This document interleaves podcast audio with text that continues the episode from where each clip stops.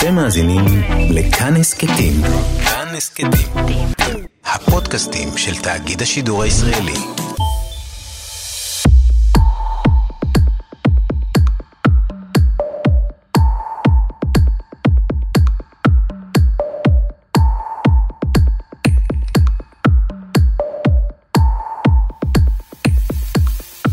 תשמעו סיפור. מיכל החליטה ללכת לקולנוע. היא קנתה כרטיס ב-50 שקלים. כשהגיעה לבית הקולנוע, גילתה שאיבדה את הכרטיס. האם מיכל תקנה כרטיס חדש, או שתוותר, כי היא כבר בזבזה 50 שקלים ולא נעים לה? מרבית הסיכויים שמיכל כבר לא תראה סרט הערב. הדס גם רצתה ללכת לקולנוע. היא הגיעה, ואז גילתה שהיא איבדה 50 שקלים שהיו לה בארנק. האם היא תקנה לעצמה בכל זאת כרטיס? אז כן. סיכוי גבוה מאוד שהדס כן תראה סרט הערב, למרות שמדובר באותם 50 שקלים בדיוק. וכך, עם אותו אובדן כלכלי, ניסויים מוכיחים שהתגובה שלנו תהיה שונה לחלוטין. שלום, אתם מאזינים לקרן עושה סדר, הפודקאסט של סדר יום. אני קרן נויבך, ומדי שבוע אנחנו משתדלים להביא לכם סדרה או תכנים אחרים ששידרנו בתוכנית סדר יום בכאן רשת ב'. השבוע החלטנו לצלול לתוך התחום המרתק שנקרא כלכלה התנהגותית. אם אנחנו בשיעור בבית הספר לכלכלה, תתפלאו עד כמה התחום שמפגיש את הפסיכולוגים עם הכלכלנים יכול ללמד אותנו על עצמנו. והסיפור שהתחלנו בו הוא רק דוגמה אחת. חלק מהגיבורים שייצרו את תחום המחקר הזה אתם מכירים, לפחות בשם, כי הם ישראלים, או לפחות ישראלים במקור. פרס נובל לכלכלה לשנת 2002 הוענק לו פרופסור דניאל כהנמן, הוא בכלל פסיכולוג קוגניטיבי שמספר על עצמו שמעולם לא למד קורס בכלכלה. את הפרס הוא קיבל על המחקר שערך יחד עם עמוס טברסקי, שאז כבר לא היה בחיים. גם הוא פסיכולוג קוגניטיבי. הם הציעו לכלכלנים הסתכלות אחרת לגמרי על תהליכי קבלת ההחלטות של מה שקראנו האדם הכלכלי. זה שבמשך שנים אמרו החוקרים שהדבר היחיד שמנחה אותו בקבלת ההחלטות שלו או שלה זו התועלת הכלכלית. אז זהו, שלא. הדוגמה הכי מוכרת היא הפנסיה. לכאורה זה ברור שזה האינטרס שלנו לחסוך לפנסיה, ובכל זאת, מדינות הבינו כבר מזמן שאם אתה לא מחייב אנשים לחסוך לפנסיה, הם פשוט לא עושים את זה. ולא משנה כמה נזק זה יגרום להם לעת זקנה. אז הנה הפרק הראשון בסדרה שלנו על כלכלה התנהגותית, שיחה עם החוקרת שעבדה במשך שנים עם דניאל קנמן ועמוס טברסקי, הפסיכולוגית הקוגניטיבית, פרופסור מאיה בר הלל.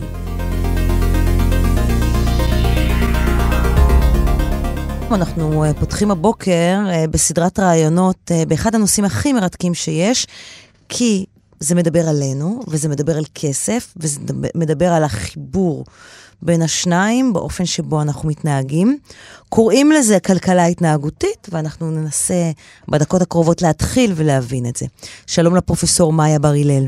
בוקר טוב, קרן. פסיכולוגית אה, חברת המרכז לחקר הרציונליות באוניברסיטה העברית, אה, וגם מי שהייתה חוקרת שעבדה יחד עם דניאל קנמן ועמוס אה, טברסקי באחד מהמחקרים המשמעותיים ביותר בתחום הזה, שנקרא כלכלה התנהגותית. אכן. מה זה כלכלה התנהגותית? מה זה אומר? כלכלה התנהגותית זה המפגש, אפשר לומר, בין כלכלה לפסיכולוגיה, כשמדובר על כלכלה של התנהגות של יחידים.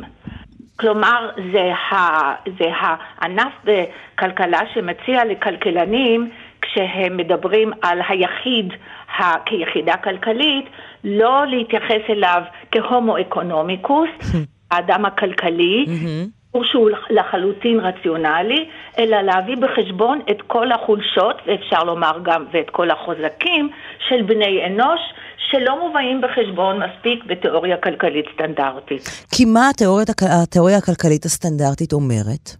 התיאוריה הכלכלית הסטנדרטית למשל לא מכירה במגבלות של סבלנות של אנשים, יכולת חישוב של אנשים, שליטה עצמית וכוח רצון של אנשים, אה, עיסוק בענייני דימוי עצמי ודימוי חיצוני, רגשות כמו פחד, שנאה, מחויבות, אהבה, נקם, הקרבה וכן הלאה, אלא היא רואה את האדם הכלכלי כמי שעושה אך ורק חישובים כלכליים. כלומר, שאני, כל החלטה כלכלית שאני מקבלת, היא תהיה רציונלית לחלוטין בהתאם לשיקולי העלות תועלת שלי. ש, נכון. שגם יש פה הנחה אה, שיש שיקולי עלות תועלת שהם כמעט קבועות, שהם דברים קבועים גם שהם אולי משותפים לכל בני האדם, כי הכלכלה רוצה להיות מדע, נכון? היא רוצה שהכל יהיה מסודר אה, ויחזור על עצמו פעם אחר פעם, אבל אז באה הפסיכולוגיה ואומרת מה? לא, אני דווקא צריכה להתעמת עם מה שאת אמרת. זה לא נכון שבמודל הכלכלי אין מקום להבדלים בין אישיים. יש מקום להבדלים בין אישיים, וזה בא לידי ביטוי בכך שלאנשים שונים יכולה להיות מה שהכלכלנים קוראים פונקציית תועלת שונה. אז המגבלה של כלכלה מסורתית זה לא שהיא לא מכירה בהבדלים בין אישיים, אלא שלא כל המשתנים שמפעילים בני אדם מוצאים את מקומם בתיאוריה כלכלית. אוקיי. Okay. אוקיי, ומה המשתנים שמפעילים בני אדם? אז תיארתי את כל הרגשות הללו, ש, ש, שתראי, באופן עקרוני אפשר להכניס אותם לתוך מה שנקרא פונקציית התועלת, mm-hmm. אבל, אבל בפועל זה לא דבר שנעשה, בפועל פונקציית תועלת סטנדרטית מוגדרת על משתנים כלכליים מובהקים כגון אה, כסף, זמן, פנאי, וכיוצא בזה, ולא רגשות אנושי, אנושי, אנושיים לסוגיהם, ובכללם שיקולים מוסריים. שיקולים מוסריים פשוט לא קיימים בתיאוריה כלכלית סטנדרטית. והם כן קיימים בקבלת ההחלטות היומיומית שלנו, נכון? בוודאי, בוודאי. תני לי דוגמה. אני אתן לך דוגמה, לא, לא שלי, אלא של ריצ'רד סיילר, מי שזכה לפני שלוש שנים בפרס נובל לכלכלה עבור, עבור כלכלה התנהגותית. Mm-hmm. אתה אוהב לשאול את השאלה הבאה. אתה עולה לאוטובוס, והבן אדם שלפניך, אחרי שהוא סיים לשלם, מתברר שנשמט לו מן הארנק אה, שטר של 100 שקל. אוקיי. אתה מסתכל סביבך, ואתה רואה אף אחד חוץ ממך לא שם לב לזה, לא הנהג, לא הנוסעים, לא הנוסע. ואז דיק עוצר ושואל, האם זו הזדמנות כלכלית? Hmm. ובזה הוא מתכוון, לכאורה אין שום מעצור לקחת את המאה שקל לכיסך, ואין שום סיבה כלכלית להחזיר אותה לנוסע, ואכן יש אנשים שבהזדמנות כזאת יכניסו לכיס, אבל יש אנשים, אני מקווה רבים מהם, שיגידו, אדוני, נפל לך כסף. ו- ודיק אומר, זה לא התנהגות שתיאוריה כלכלית סטנדרטית יודעת לטפל בה. כי ההתנהגות כאן... השיקול הוא מוסרי לחלוטין, לא נכון. תגנוב. אנחנו פועלים על פי אחד הצווים המוסריים הכי בסיסיים, כשאנחנו נכון. מחזירים את המאה שקל לאדם שזה נפל לו, לא משום שיקול תועלת כלכלי.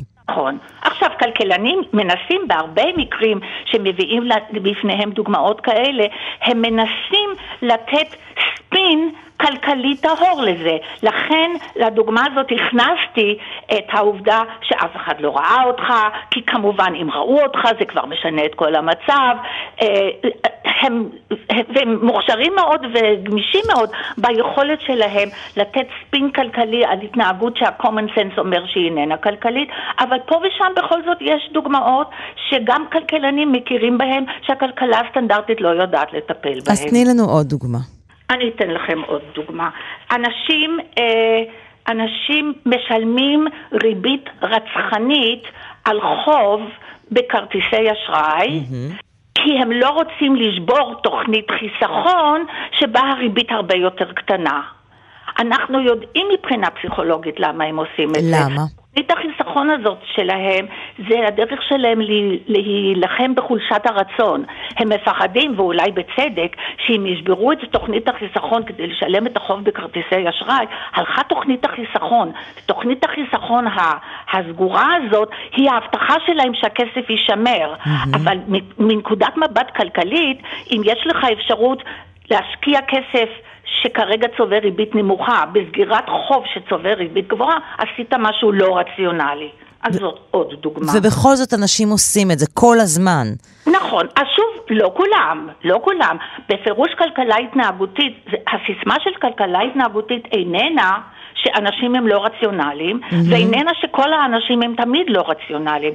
בעצם מה שהיא מציעה לכלכלה זה, הביאו בחשבון איך בן אדם עשוי, והביאו בחשבון התנהגות אנושית, ואז תראו שלא כל האנשים, לא בכל המצבים, מתנהגים לפי תיאוריה כלכלית. תראי, פרופסור אריאלי, כן, שגם הוא חלק אה, אה, משמעותי במחקר הזה, אומר שלא רציונליות היא לפעמים משהו שאנשים עושים לטובת עצמם, הלא רציונלי ולא במקרה שלא מדבר על זה, נכון?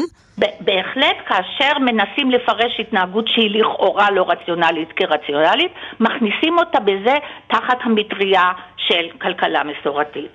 את יודעת, אני אולי אתן לך עוד דוגמה. Mm-hmm. גם כן מפורסמת, של, לא, לא, לא שלי.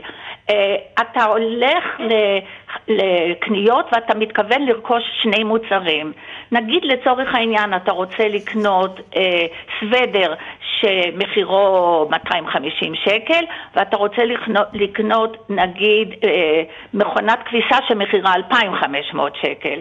ועכשיו מתברר לך שאפשר לקבל את אחד המוצרים האלה בהנחה של עשרה אחוז בסניף מרוחק קצת.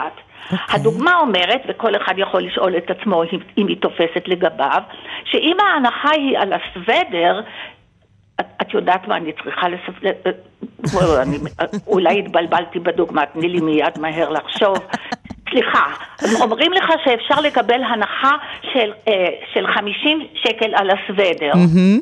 אז כלומר, להוריד את מחירו מ-250 ל-200. ל-200. או אומרים לך שאפשר לקבל הנחה של 50 שקל על המכונית.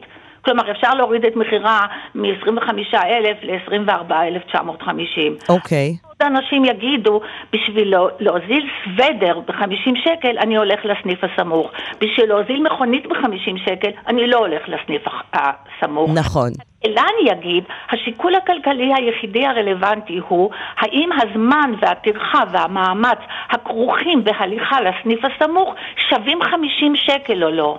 הוא לא עושה את השיקול, שאני לרגע כשלתי בלשוני ואמרתי אותו, הוא לא עושה את השיקול שבמקרה אחד ההנחה באחוזים היא גדולה ובמקרה שני ההנחה באחוזים היא קטנה, משום שמה שאתה ממיר ב, ב, ב, ביחס חליפין הזה בין זמן לכסף, אתה לא ממיר אחוזים בזמן, אתה ממיר כסף בזמן.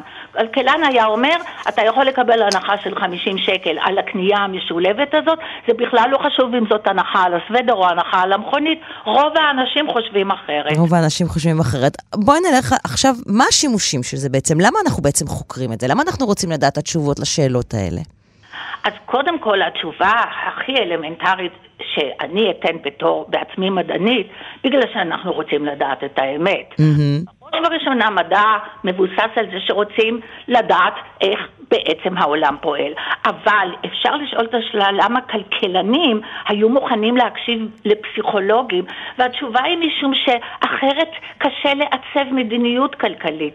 אם יושבים באוצר ומנסים לחשוב על שאלות כמו איך נגדיל את החיסכון הפנסיוני, כי לדעתנו למשל, אנשים לא חוסכים... למשל, נכון, בדיוק. אז איך בעזרת כלכלה התנהגותית מגדילים את החיסכון? לדווח דיווחי אמת על מיסים, כי אנחנו לא גובים אה, מספיק מיסים, או איך נעודד אנשים להקטין צריכה של מכוניות פרטיות ולעבור למכונ... לרכב ציבורי. אם חושבים אך ורק על היבטים כלכליים של ההתנהגות הזאת, ולפיכך על תמריצים כלכליים לשנות אותה, מפספסים הרבה אפשרויות שמי שמביא בחשבון שהקהל שאת התנהגותו רוצים לשנות לבני אדם, אז יש מקום לשאול גם פסיכולוגים, מה אתם יודעים על שינויי התנהגות ועל שינויי עמדות? אוקיי, okay, ואז איך זה עובד?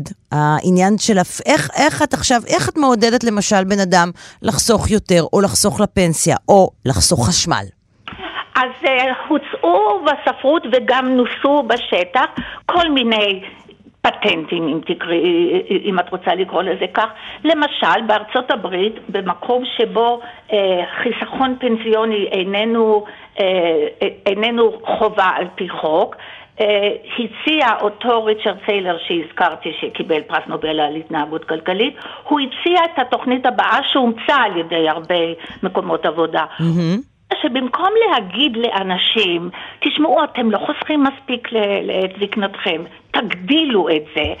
או אפילו לתת להם תמריץ, כמו שעושים באמריקה, שאומר כסף שמופרש לתוכניות חיסכון לפנסיה מקבל תמריצי מס שונים, הוא הציע משהו אחר שמבוסס לגמרי על פסיכולוגיה. הוא אמר, א', בואו נעשה להם את זה מאוד מאוד קל להיות רשום לתוכנית פנסיונית. איך? נגיד לאנשים, אתה רשום לתוכנית פנסיונית, היא לא מחייבת אותך, לא רוצה, תגיד לנו, נוציא אותך. אהה. ש- כלומר, אתה, רושמים אותך אוטומטית. זה לא שאתה מקבל נניח מכתב בדואר וכותבים לך, אם אתה רוצה להירשם לתוכנית פנסיונית, תסמן וי. אתה מקבל מכתב בדואר, אתה רשום לתוכנית פנסיונית. אם אתה רוצה לצאת ממנה, תסמן וי. בדיוק. אז זה, זה מנגנון אחד שעושה את ההצטרפות למאוד קל. Mm-hmm. אתה לא צריך לעשות כלום. אתה זורק את המכתב לפח, אתה רשום בתוכנית פנסיונית. עכשיו, וגם קיבלו את ה- בשבילך החלטה, שזה משהו שאנחנו אוהבים קצת. נכון מאוד. מעבר לזה, התוכנית שלו גם אמרה ככה. היום התוכנית שאתה רשום אליה, אתה מפרישים לך לפנסיה בשיעור כזה וכזה, שהוא השיעור הנוהג בין חבריך. עכשיו המילים שהוא השיעור הנוהג בין חבריך זה לא מילים משפת הכלכלה, אבל הן מילים מאוד חשובות בפסיכולוגיה חברתית. אה, אם אני רוצה לדעת מה הנורמה, מה מקובל, מה עושים אחרים, אני לא צריך לשאול אותם עכשיו אמרו לי. והאלמנט הנוסף היה, אנחנו נגדיל את השיעור הזה כל פעם שתקבל העלאת שכר, נגדיל לך בקצת את השיעור הזה. וזה נשמע ככה, א', זה לא היום, ב', אני לא צריך להכניס יד לכיס כדי להגדיל את זה. זה יקרה אוטומטית וזה יקרה על חשבון ההעלאה ולא על חשבוני, וכל המרכיבים האלה שדיברתי עליהם עכשיו, כלכלן היה מקשיב אליהם והיה אומר, תגידו, מה זה השטויות האלה? מה זה משנה? כסף זה כסף זה כסף? ופסיכולוג אומר, אבל יש לנו מחקרים שמראים שכל הדברים האלה מודדים, בעצם מעודדים השקעה של יותר כסף. וזה עובד ביחד, השיתוף פעולה הזה? שבין הכלכלנים לפסיכולוגים, כלומר יותר ויותר כלכלנים באים ואומרים, אוקיי, בואו, אתם פסיכולוגים יודעים מה גורם לאנשים להתנהג כמו שאתם מתנהגים, אז בואו אנחנו הכלכלנים נשתמש בזה כדי להפוך את העולם אולי לקצת יעיל יותר, לא יודעת אם טוב יותר, זו מילה קצת גדולה, כן? אבל אה, בקצוות לפעמים. בדיוק כך. כלומר, כן. יש כלכלנים שממש עובדים יחד עם פסיכולוגים, עושים יחד מחקר, יש כאלה שרק קוראים מה שאומרים הפסיכולוגים, ואפשר על זה לומר דיינו, יש עדיין... פינות בכלכלה, תחומים בכלכלה, גם אנשים בכלכלה, שזה עדיין נשמע להם בטל בשישים וקצת שטויות וקצת התייפיפות, והם עדיין אומרים, הדבר העיקרי שמניע את העולם הכלכלי זה תמריצים כלכליים, וכל היתר, או שזה בכלל קשקוש או שזה בטל בשישים, אבל בפירוש כלכלה התנהגותית קיבלה חותם כשרות גם בזה שכבר ניתנו בה יותר מפרס נובל אחד. כהנמן קיבל פרס נובל, כהנמן הפסיכולוג קיבל פרס נובל בכלכלה בראשית המאה, אה, דיק סיילר קיבל פרס נובל בכלכלה התנהגותית לפני כמה שנים, הם נחשבים אבות הכלכלה ההתנהגותית ושיתוף הפעולה ביניהם היה כל כך פורה וכל כך מוצלח שהיום זה קורס סטנדרטי בבתי ספר לכלכלה מובילים בעולם והרבה מאוד כלכלנים אכן משתפים פעולה עם פסיכולוגים. עם זאת יש לומר שיש תחומים בכלכלה שאפילו אין בהם כל כך מקום לפסיכולוגיה. פסיכולוגיה בעיקר רלוונטית לניבוי התנהגות של היחיד. ולא של מדינות, ממשלות, כן. להמשיך לעשות כלכלה אה, מסורתית ולא מפסידים שום דבר, כי זה פשוט לא, לא מדבר על התנהגות של היחיד. תכירו את המונח נאג', דחיפה קלה, עד בלתי מורגשת, כדי לגרום לאדם לעשות את מה שאתה רוצה. במדינות רבות הממשלות משתמשות בטכניקה הזאת כדי לגרום לציבור להתנהג כמו שהן רוצות. זה לא בהכרח כל כך גרוע כמו שזה נשמע. במרבית המקרים של ממשלות סבירות והגיוניות, זה אפילו פועל לטובתנו. למשל, לשלם מיסים בזמן, לעודד אותנו להשתמש בתחבורה ציבורית, לעודד אותנו לחסוך, לעזור לנו להימנע מכפל ביטוחים, וגם להגיע לרופא אם קבענו טור. אז הנה ניסוי שמתרחש ממש בימים אלו בישראל, שמבקש להתמודד עם אחת הבעיות הכי גדולות של מערכת הבריאות הציבורית, הנטייה המעצבנת שלנו להבריז מהתור אצל הרופא.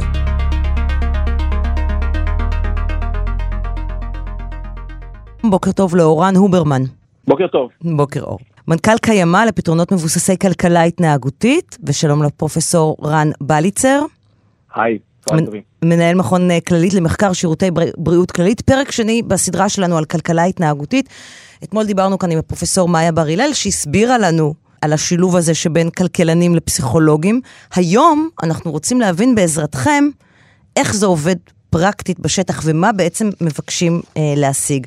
בואו נתחיל, אורן, בכמה מילים על מה זו קיימא בעצם. אז אני רק אתקן, זה קיימא. קיימא, אה, סליחה. אבל זה די דומה. אה, ומאותו שורש. אה, קיימא היא חברה פרטית שעובדת בין היתר עם הממשלה, ומנסה לעזור למקבלי החלטות לקבל החלטות שמבוססות על, על נתונים מצד אחד, ולהיעזר מתובנות מכלכלה התנהגותית בשביל לקרב יותר את המודל שיש להם בראש לאיך דברים עובדים, לאיך באמת דברים עובדים. בהרבה מקרים יש לנו איזו מחשבה שלמשל אם נקנוס אנשים, אז הם יתנהגו, ב, ינסו להימנע, בכל מחיר מהקנס ויתנהגו כמו שהיינו מצפים. ובמקרים מסוימים אנחנו מגלים שזה עובד ממש הפוך, אה, ויש לנו הרבה מאוד דוגמאות מהעולם האמיתי לאיך כל מיני אה, אינטואיציות שלנו לגבי התנהגות אנושית מתנפצות אל, אל פני המציאות. תן לי עוד כמה ו- דוגמאות. אה, אז למשל אנחנו חושבים שאם לאנשים תהיה תחבורה ציבורית מצוינת, אז אה, הם יעברו להשתמש בה. זה לא נכון? להם, אה, אז יש להם למשל עלות תקועה סביב, אה, אה, סביב המכונית שהם כבר קנו, או שהם קיבלו מהעבודה, לדוגמה, או החנייה שמקום העבודה נותן להם, אה, או למשל שינוי הרגל, אנשים לא מבינים כמה זה קשה. למשל, אחד הדברים שאנחנו מגלים זה שאנשים בדיאטות מצליחים להתמיד בדיאטה עד נקודה מסוימת, מגיעים החגים, ואז יש ריסטארט ומתחילים מאפס. כולנו מכירים את זה מהחיים הפרטיים שלנו. אה, והרעיון הוא לעזור למקבלי החלטות שעושים החלטות על המון, כסף, בדברים שמאוד קריטיים לחיים שלנו פה, אה, שיבינו יותר טוב אה, את, את המשמעות של התנהגות אנושית בתוך הדבר הזה כשהם מתכננים מדיניות ציבורית, וזה מה שקיימה עושה בשלוש שנים האחרונות. ואחד הפרויקטים שניסיתם לפצח אותם, זה משהו שמטריד מאוד קופות חולים ומערכת הבריאות בכלל, פרופסור בליצר, נכון? זה אנשים שקובעים תור ולא מגיעים. נכון, מסתבר שתופעה אנושית שהיא לא ייחודית אולי לעולם הבריאות, אבל היא בעצם מופיעה כמעט בכל מערכת בריאות בעולם, וזה שבין חמישית לרבע מהאנשים שמזמינים אותם למפגש רפואי לא מגיעים ולא מתריעים קודם שהם לא יגיעו. זאת אומרת, לא מגיעים ולא מודיעים. לא מודיעים, לא מודיעים, והמשמעות של זה היא, היא כמובן דרמטית. קודם כל, הארכה מלאכותית של תורים, שהמשאב הזה של רופאים בזמן רופא הוא משאב במחסור בכל מדינה, בוודאי בישראל, והאובדן של תורים ושל זמן רופא כל כך אה, יקר עבור סיבות כאלה הוא מאוד כואב. במקביל, גם הפתרונות שמנסים למצוא, שהן קצת מזכירות חברות תעופה שעושות overbooking, אז כמו שלא נעים ב overbooking בטיסה למצוא את עצמך בלי מושב, למרות שהזמנת, בגלל שנאלצו, אה, בגלל שבחרו לעשות overbooking, גם בעולם הבריאות זו תופעה שיוצרת בעייתיות בשירות, בעייתיות בתכנון, וזה אחד מהאתגרים הלא מפוצחים בכל מערכת בריאות בעולם, שעד היום, למרות הרבה ניסיונות והרבה כיוונים, לא הצליחו לפצח. אה, היה שלב שבו אמרו לעצמם, טוב, הם שוכחים, אז בואו נזכיר להם.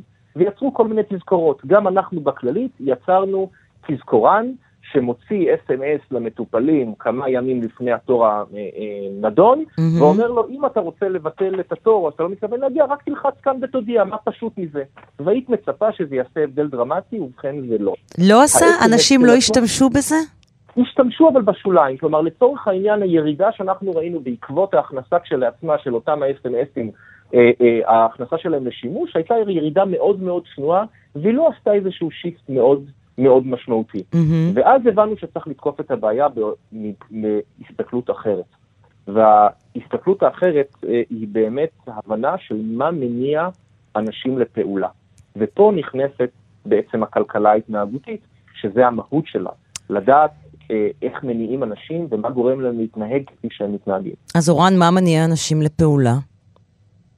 טוב, זו שאלה רחבה, אני יכול להגיד במקרה אבל הספציפי במקרה הזה, כן, מה אוקיי, עשיתם? אז, אז, אז יודעת, יודעת מה, אני כן אענה על השאלה הרחבה הזאת. אז אה, אנחנו, אנחנו ב- בכמה מתעסקים עם, אה, ובהתנהגות בכלל, מתעסקים עם מוטיבציות ועם חסמים.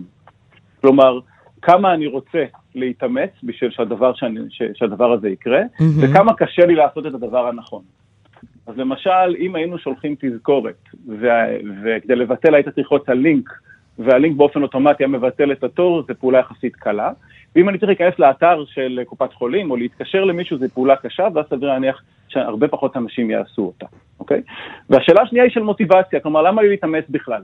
ואחד הדברים שזיהינו בעולם ה-No-Show, זה שאנשים, אה, קשה להם מאוד לדמיין אה, את המישהו בצד השני שנפגע מזה. כשמדובר במערכת הבריאות. הם לא חושבים על הרופא, או על החולה שזה יבוא על חשבונו, או, או שזה... הם, הם רואים, אז בואי תחשבי, תחשבי נגיד על, על עצמך, ונגיד, אה, או, או אני מדבר על עצמי רגע, יש לי תור לרופא משפחה, אבל יכול להיות שיש לי גם תור לספר, או למישהו יש תור לקוסמטיקאית, ולקוסמטיקאית או למאמן הכושר האישי, אף אחד לא יעז להבריז. נכון. כי אני משלם לו כסף, וכי אני, אני יכול לדמיין את הפרצוף הכועס שלו והמאוכזב שלו כשלא הגעתי. Mm-hmm. אומרת, יש פה איזו בגידה באמון שלי מול בן אדם. מול מערכת הבריאות, אה, הדבר הזה מטשטש. ועכשיו אני גם לא משלם, מצד אחד, לא, לא להגיע לתור לא עולה לי, ופעם שנייה אני לא יכול לדמיין את הצד השני שנפגע. אני אומר, אז בטח לא ישימו לב, זה נעלם בתוך הבלאגן. ומילא יש להם ו... כל כך הרבה אנשים וכל כך עמוס בקליניקה כל הזמן. נכון, יש לנו כל מיני סיפורים שאנחנו מספרים לעצמנו על זה, וככה אנחנו מצדיקים את המעשה של אי ביטול. ו, ומה שניסינו לעשות זה, זה, שוב, זה פרויקט של אגף תקציבים, אה, שנעשה ממש מהרגע הראשון אה, בשותפות עם, אה, עם, אה, עם כללית. Mm-hmm. אה, ו, ואחד הדברים שניסינו לבדוק זה לנסות לראות האם סוגים שונים של, של הודעות, של נסחים, משפיעים על ההתנהגות. אוקיי. Okay. למשל, אם נגיד לך שבני המשפחה, כן, סליחה, רן? ובאמת צריך אה, אה, באמת להכיר, אני חושב זאת הזדמנות להגיד, משרד האוצר פה לקח יוזמה אה, מאוד חשובה, אני חושב, בלנסות לפתור בעיה עמוקה ולהשתמש בכלים הללו של כלכלה התנהגותית, ופרופסור דן אריאלי, שעומד מה, מאחורי גם, גם קיימה וגם אנחנו חיפשנו הרבה שנים את ההזדמנות לעבוד ביחד, יצאנו הדרך באמת עם, ה, עם הגישה הזו של לוקחת את הכלים הכמותיים mm-hmm. ואת הכלי המחקר שבהם אה, אנחנו מתמחים, וניסיון לשלב איתם עם התובנות של עולם הכלכלה ההתנהגותית. אוקיי. צריך פה להגיד מילה למקום שממנו אנחנו באים. אה, מכון כללית למחקר הוא הגוף של שירותי בריאות כללית, שיושבים בו data scientists מהשורה הראשונה, קלינאים, אפידמיולוגים, והם עובדים כל יום, mm-hmm. כל היום, כדי להביא שיטות וגישות חדשות לתוך הרפואה השגרה שכולנו מקבלים. אוקיי, אז אני מחזירה אתכם עכשיו לניסוי עצמו, רן, ומה מה, מה שלחתם לאנשים? איזה הודעות? מה כתוב שם? אז רק בהתכתב עם מה שרן אמר, יש כאן, אה, זה נשמע עניין קטן לשאלות נוסחים, אבל זה חתיכת אופרציה תפעולית מסובכת, צריך לחבר את הנתונים שמגיעים מהמרפאות לאס.אם.אסים שאנחנו שולחים בשביל להבין אם המעגל נסגר ואנשים אכן הגיעו, והדבר הזה נעשה, זה פרויקט שארך יותר משנה. אה, ושלחנו בו כל מיני סוגים של אה, הודעות, וניסינו לראות מה קורה בכל הודעה, אם אנשים מגיעים. הניסוי הזה נערך על יותר מ-160 אלף מבוטחי כללית. Mm-hmm. אז למשל, הודעה אחת אמרה, אה, בני המשפחה שלך ישמחו לדעת שאתה דואג למצבך הבריאותי. זאת אומרת, אם המשפחה עובדת, וזה עזר קצת. בדקנו למשל אם, אם שימוש בכלים של נורמה חברתית יעזרו לנו. למשל, הצטרף למאמץ הלאומי לקיצור התורים, וספר לנו אם אתה מתכוון להגיע לתור שהגעת, מה שלא עבד כמעט בכלל. או למשל, שרוב האנשים, רוב המטופלים במרפאה הזאת דואגים לאשר את הגעתם מראש, אה, וגם עזר אבל לא הרבה. ומה שמצאנו הכי אפקטיבי no. אה, היה, היה אה, פנייה לרגש, והרגש הזה היה קשור לחברה הישראלית. כלומר, ההודעה הכי אפקטיבית שצמצמה בשליש את כמות ה-No-Show, הייתה אי הגעה ללא הודעה מראש, מעכבת את הטיפול בחולים שנזקקים לעזרה רפואית. אוקיי. Okay. כלומר, הישראלים אה, הצליחו לדמיין רגע, לשנייה אחת, את התמונה של מישהו אחר שצריך את זה, שהוא ישראלי כמותם, וראינו באמת שינוי דרמטי בהתנהגות. אגב, אלה מספרים מאוד מאוד גדולים. אנחנו, אה, יש יחידות כלכלה התנהגותית בכל העולם, אה, כשיש שיפור, רואים שיפור של אה, חמישה או עשרה אחוזים, שלושים ומשהו אחוז שיפור ומשהו אה, הוא דרמה, הוא אומר שקלענו בול, וגם שהישראלים באמת רגישים לזה.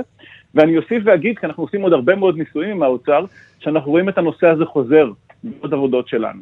כלומר, מרתק. הנושא של ישראלים אחרים mm-hmm. נוגע בישראלים ונוגע ומייצר שינוי התנהגות. ועכשיו אתם ממשיכים להפעיל את זה, פרופסור בליצר? את, את אותה מערכת ששולחת הודעות לאנשים וזה ממשיך לעבוד?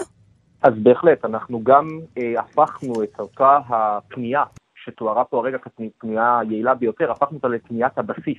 שבעזרתה אנחנו פונים לכל המטופלים, ואנחנו לקחנו את זה עוד שלב אחד הלאה.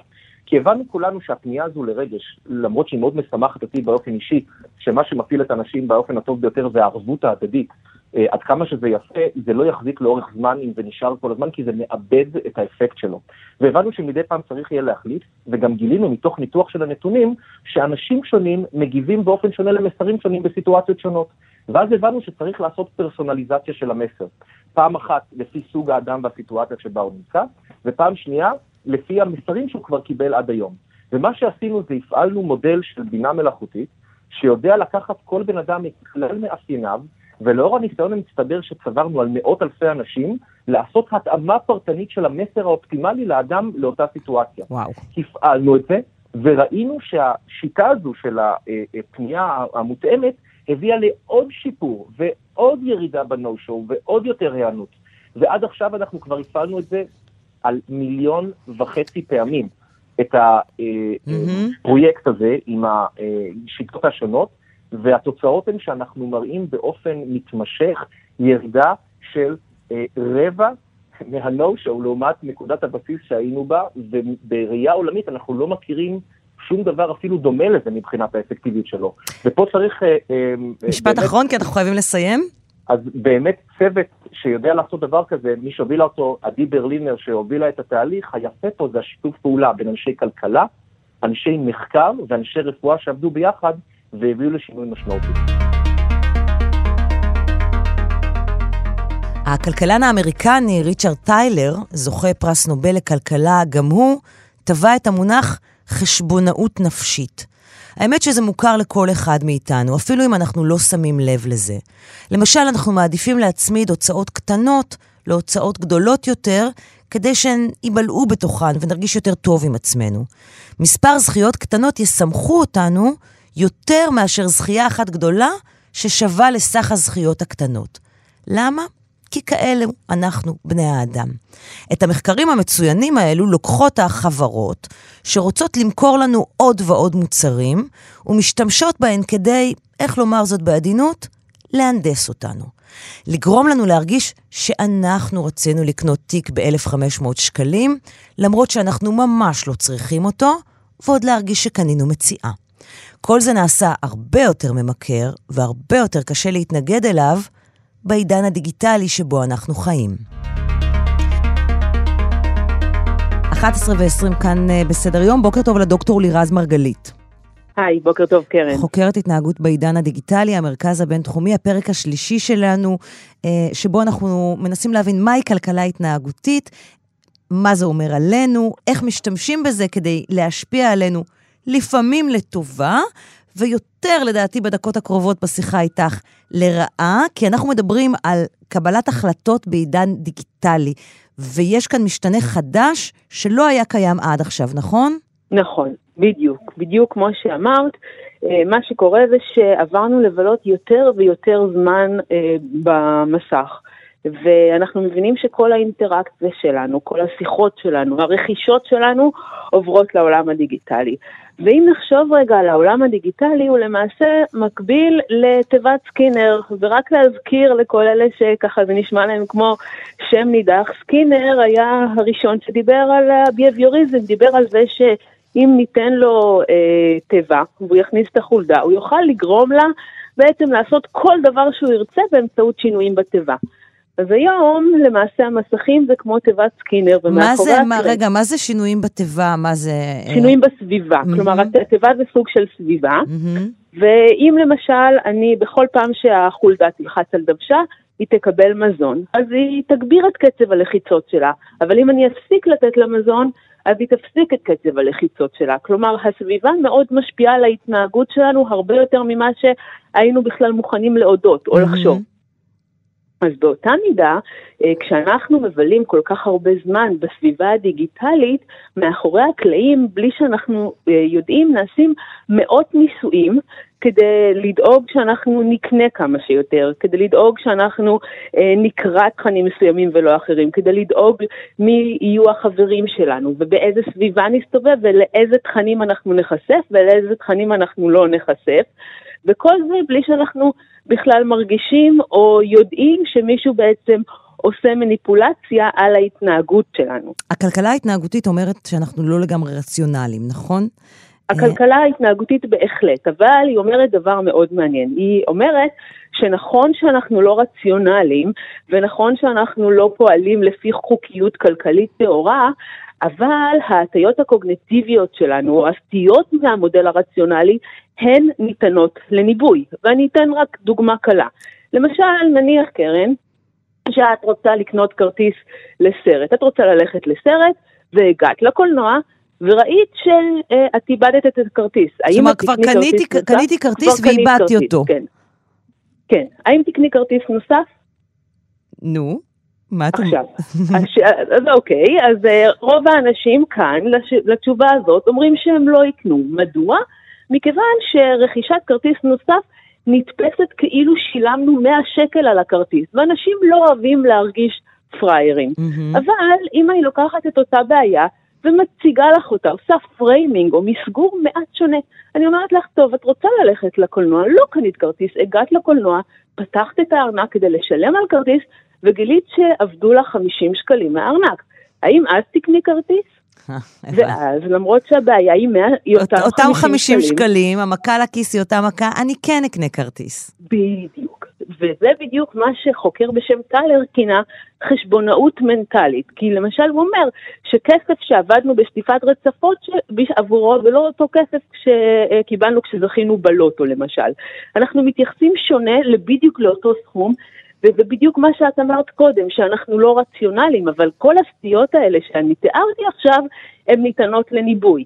וזה באמת, אה, כלכלה התנהגותית, החלק היישומי שלה, הרי טברסקי וכהנמן, שאנחנו מכירים מאוד טוב, שהם תמכו אצלנו, הם דיברו על כלכלה התנהגותית כמודל מאוד תיאורטי, לא פרקטי. ואז הגיעו חוקרים כמו דן אריאלי, שאנחנו מכירים, וכמו טלר, ופיתחו תחום שנקרא נאג'. שמה זה התחום הזה מה אומר? מה זה נאג'? נאג' זה דחיפה קלה, בלתי מורגשת, כי את לא יודעת לעשות בעצמך את ההחלטה הנכונה, לא את קרן, אבל הציבור לא ידע לקבל את ההחלטה לא, לא הנכונה. לא, לא, גם אני, לא... זה בסדר, זה עובד גם עליי, זה עובד על כולנו.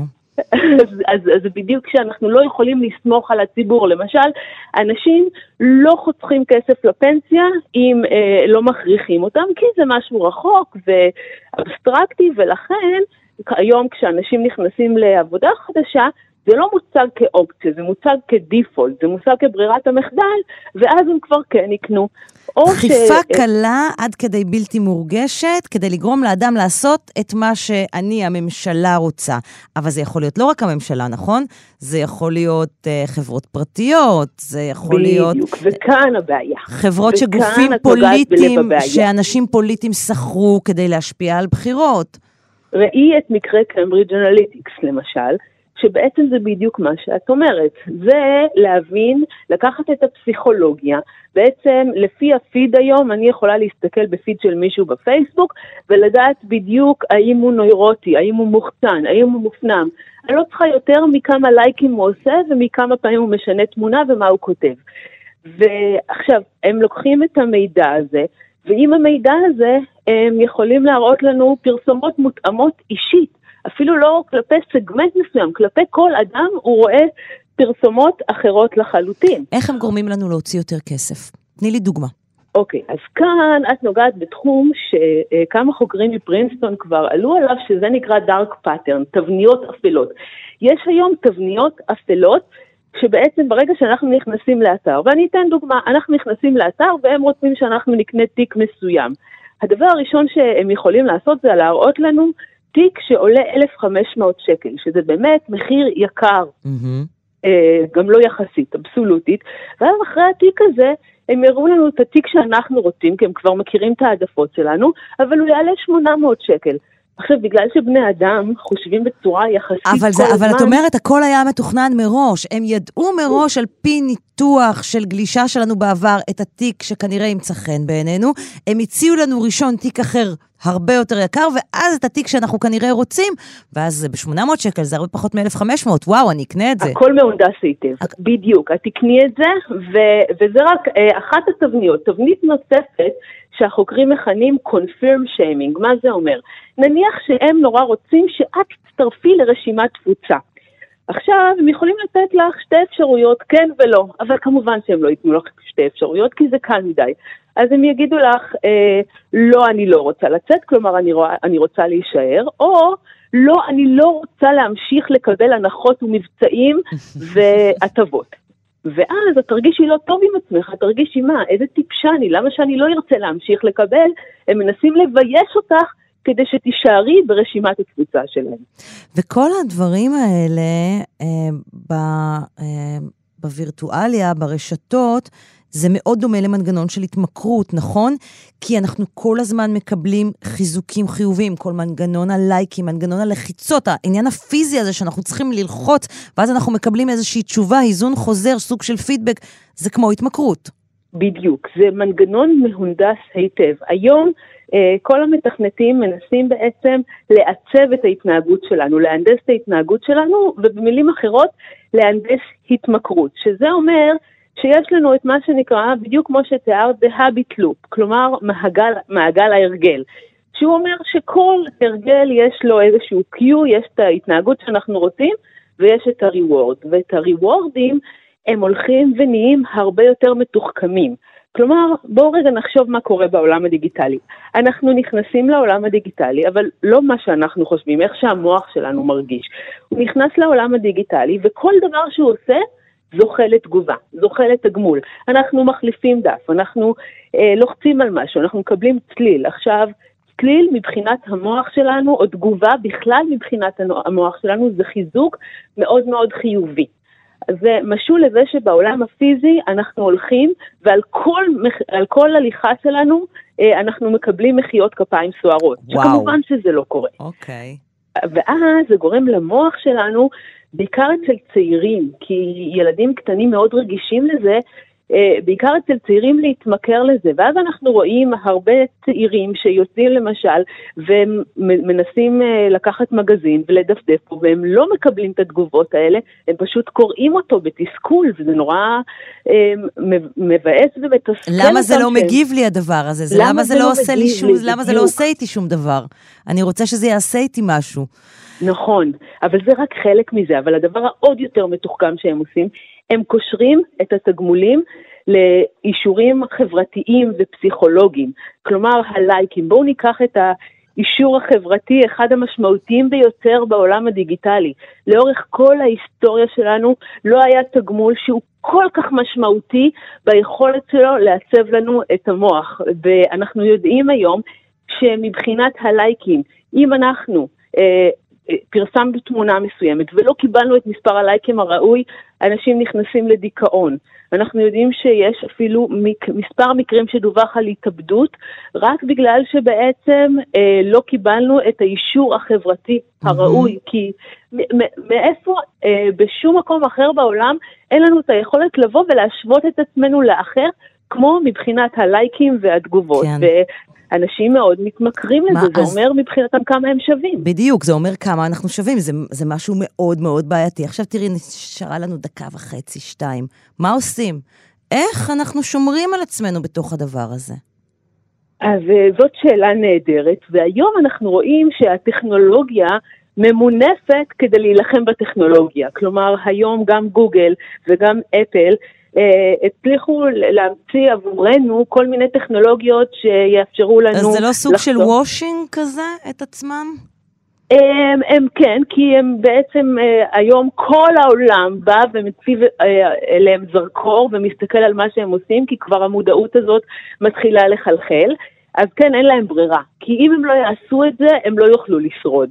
אז נכון, אבל, אבל הטכנולוגיות האלה יכולות להיות מאוד מאוד יעילות, אבל מעבר למה שהן מציעות, מה שאני מציעה שמאוד כן. עוזר, mm-hmm. זה רגע, קודם כל לבטוח בעצמנו שאנחנו יכולים אה, להיות אפילו לשעה, שעתיים, לתת לעצמנו מרחבים, רגע, לצאת מהבית בכוונה להשאיר את הטלפון בבית, ללכת לאירוע משפחתי, לארוחת ערב, בעיקר כשאנחנו מדברים על הילדים, ולהראות שאנחנו יכולים. כלומר, אנחנו, אני אה, בעצם מכירה את התהליכים האלה, ובהתחלה זה נורא נורא קשה לנו, או להתנתק מפייסבוק, או אפילו להתנתק לשעה מהנייד, אבל אחרי שעוברת השעה הקשה, זה מתחיל להרגיש אה, כמו לגלות את העולם מחדש, ויש לזה גם ביטוי בעולם המחקר שנקרא ג'ומו, the joy of missing out. אם עד היום פחדנו להחמיץ, היום כן, אנחנו ה-fear of נהנים. missing out, אז עכשיו אנחנו נהנים to miss out.